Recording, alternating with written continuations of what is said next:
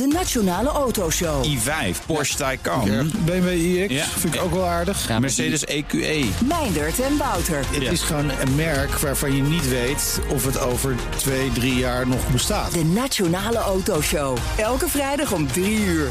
De Nationale Autoshow wordt mede mogelijk gemaakt door Van Mossel. Van Mossel, voor mobiliteit voor iedereen. Studio Den Haag. Ja, net, echt net is het integriteitsonderzoek naar oud-Kamervoorzitter Khadija Ariep afgerond en gepubliceerd. De Tweede Kamer heeft zojuist een samenvatting van dat rapport gekregen. Leendert Beekman is als een gek gaan lezen voor ons. Eh ha, in Den Haag. Hey, ja, het eh, tien minuten heb ik er de tijd voor gehad. En het blijft voorlopig ook even bij een samenvatting. Maar jij kan het hele rapport Jij kan moet later nog gaan komen. Eh, maar staat ja, erin? wat staat er dan in die samenvatting? Nou, er zijn er 17 anonieme brieven gekregen, waarvan, waarbij er 16 zijn waarin ondersteund wordt dat er sprake geweest zou zijn van een onveilige werkomgeving. Nou, en waar hebben we het dan eigenlijk over? Dat varieert van de oud-voorzitter. Dan hebben we het uiteraard over Khadija Ariep van de Partij van de Arbeid. Dat ze ambtenaren ehm, genegeerd heeft, kritisch is geweest. Ambtenaren niet toeliet bij gesprekken waar ze wel bij hadden mogen zijn. Zich mengde in beslissingen die vanuit de ambtelijke organisatie genomen zouden moeten worden. En eh, dat er valse aantekeningen waren, aantijgingen waren richting de ambtenaren. Er wordt er wel bij gezegd dat er in sommige gevallen. ehm, de, de- de- bij die anonieme brieven dat het vertrek van de functionarissen niet direct het gevolg was van eh, de situatie die speelde. Het vertrek had een andere reden. Ehm, en ja, ik ben heel snel er even doorheen aan het kijken hoor. Maar dus toch, ik hoor, jou die- zeggen, ik, ik hoor jou zeggen, dus 16 van de 17 klachten over een, een mogelijk onveilige werkomgeving, die worden dus ondersteund door dit rapport. Ja, en dat zijn anonieme brieven geweest. En er is nu onderzoek naar gedaan. Er is nog een keer gesproken met de mensen die die anonieme brieven hebben geschreven. En ja, 16 van de 17 wordt dus gegrond verklaard. Ja. En dan gaat het ook over eh, eh, stemverheffing. Gaat het op het moment dat ze, dat ze ambtenaren aansprak. Eh, ja, en dan, wat lezen we dan vanuit het presidium nu, hè, het dagelijks bestuur van de Tweede Kamer, dat ze de situatie ter zeerste betreuren voor de ambtenaren die hierbij betrokken zijn geweest. Ja, en, en gaat het dan ook echt over grensoverschrijdend gedrag? Wordt dat zo benoemd? Ja, dat wordt wel zo benoemd, ja. Ehm, voor. Ja, zeker. Bij ons is ook Rob van Eijbergen, hoogleraar integriteit aan de Vrije Universiteit. Goedemiddag. Goedemiddag. Ja, eh, wat hoort u hierin, in deze conclusies uit dit onderzoek? Maar ik heb het ook even heel snel gescand. Ehm, nou ja, ik, kijk, als je het zo hoort, denk je, goh, wat erg natuurlijk. eh, Erg van de ambtenaren. Maar als ik kijk naar het onderzoeksprotocol, vallen mij daar een aantal dingen op. Hè, dat er gezegd wordt, we gaan niet luisteren naar de belezing van de mensen. Ja, dan vraag ik me af, als je dat niet doet, hoe je tot dit soort conclusies komt komen. Ehm, en ten tweede, ja, ik heb wat moeite bij de onderzoeksvragen alleen maar eenzijdig te kijken wat mevrouw Riep nou heeft gedaan. Ik denk dat het veel zinniger is om te kijken hoe was nou de interactie tussen de mensen. Mhm.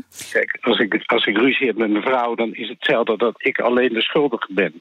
Nou, zo, zo wordt het hier een beetje gedaan. Ja. Dus die, die ja. Dus u mist in, in, in het onderzoek zelf, da- daar mist u van alles. U vindt dat dat deugt Ik eigenlijk niet. Ja, ik vind de onderzoeksvraag veel te smal. Ja, en, en wat natuurlijk ook bekend is, dat er eigenlijk geen wederhoor, wederhoor is gepleegd. Ja, wordt dan gezegd, mevrouw, die wilde dat niet. Maar de condities waaronder zij wederhoor zou kunnen eh, plaatsvinden, dat Mhm. was eh, om even een stuk in te kijken in een kantoortje. Ja, dat, dat kan gewoon niet in een rechtsstaat, vind ik. Oké, dus, dus er was onvoldoende sprake van hoor en wederhoor, zegt u. Nee, precies. Het is eenzijdig. Ja. Ik weet niet of die 16 mensen ook hun verklaring op elkaar af hebben gestemd. Er zijn allerlei zeg maar, aanmerkingen om te maken. Ik, ik ken dat uiteraard niet. Ik heb dat onderzoek niet gedaan. Maar eh, ja, ik, ik vind het niet heel overtuigend als ik het zo hoor. Nee, Leendert. Uh, Khadija Ariep zelf heeft zich lang tegen deze publicatie van dit rapport verzet. Waarom wilde ze dat het eh, niet openbaar werd? Nou, dat wilden ze niet. Onder andere omdat ze de stukken niet aan haar advocaten kon overleggen. Ze heeft de stukken in mogen zien, maar alleen maar op locatie. En zij zegt, ja, ze heeft twee advocaten in uh, arm genomen, uh, meneer en mevrouw Knoops. En zij zegt van ja, zij moeten die stukken hebben op het moment dat ik mezelf, ja. uh, om, om mezelf te kunnen verdedigen. Nou, daarover loopt nog een rechtszaak. De uitspraak is over twee weken. De oproep was ook, ook vanuit verschillende fracties vanuit de Tweede Kamer. Denk aan Omzicht, BBB, Partij van de Arbeid, meen ik. Om eventjes te wachten met het publiceren van het rapport en uiteindelijk de samenvattingen. Dat is niet gebeurd.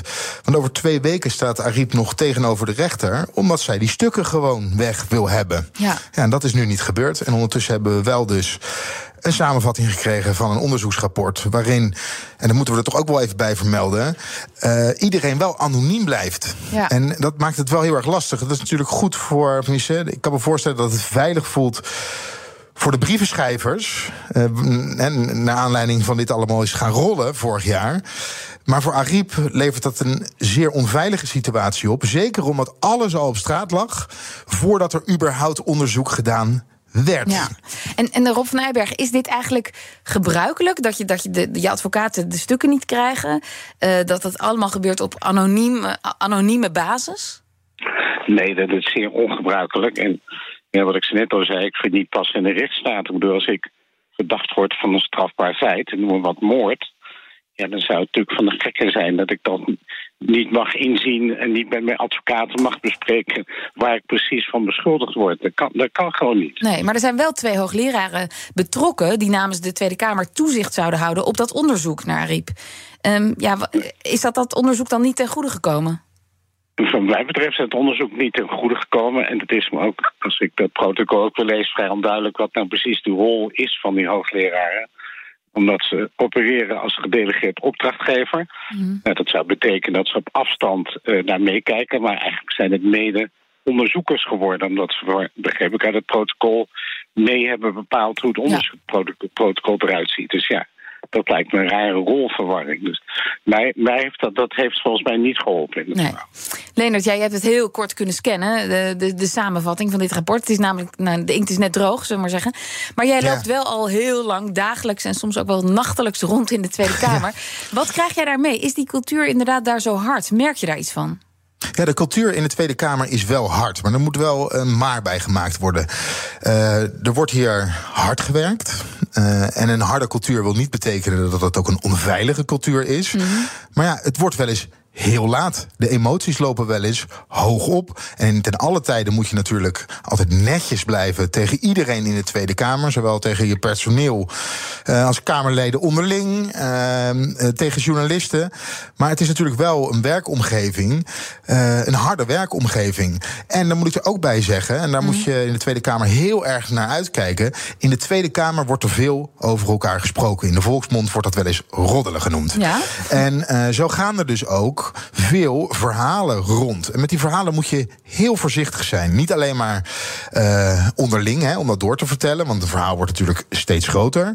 Uh, maar ook uh, als journalist, van wat is er nou precies waar van hetgene ja. wat wij horen. Ja, iedereen heeft en een belang nu... die iets aan jou vertelt natuurlijk. Ja, en nu is dit verhaal niet gelekt naar de media. Maar wat we hier zien, en wat we wel vaker nu op het moment in Nederland zien, is dat op het moment dat je dus het stempel grensoverschrijdend gedrag op je geplakt hebt gekregen. Al voordat er onderzoek gedaan wordt. Dat is in de media zo, dat is in de politiek zo. We hebben het hier ook al een paar keer gezien.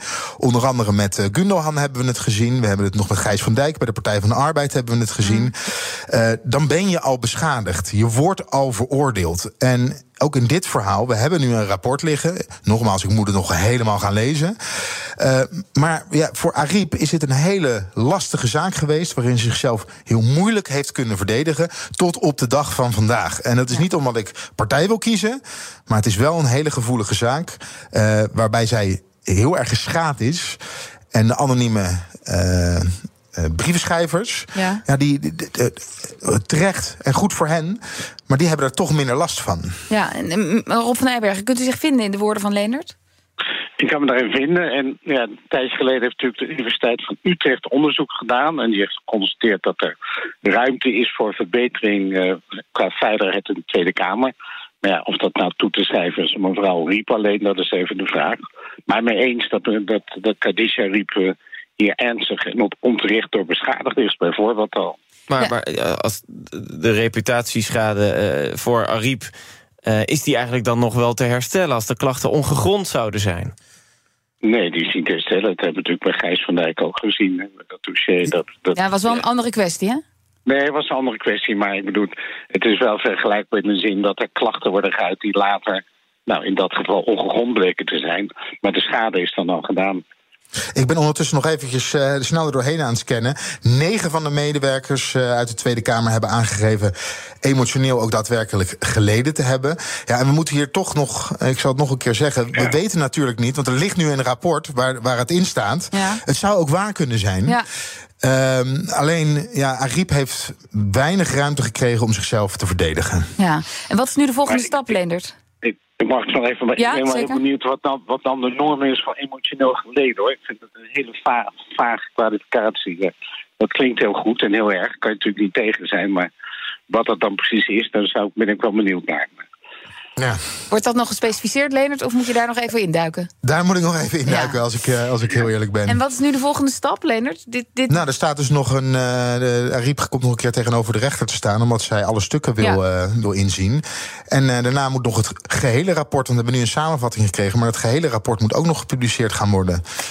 Dan spreken we elkaar vast weer hierover. Dank Rob van Eijbergen, hoogleraar integriteit aan de VU... en onze politiek verslaggever Leonard Beekman. BNR Headlines. De hele dag binnen- en buitenlandse politiek. In Nederland hebben we geen munitiefabrieken. De hele dag economie. Vijf dagen in de week bezorgen, dat kan niet uit. De hele dag technologie. Amerikanen weer op de maan. Heb je eigenlijk geen tijd, maar wil je toch op de hoogte blijven? BNR Headlines. Het laatste nieuws, maar dan in het kort. Ga naar je podcast-app en abonneer je op BNR Headlines.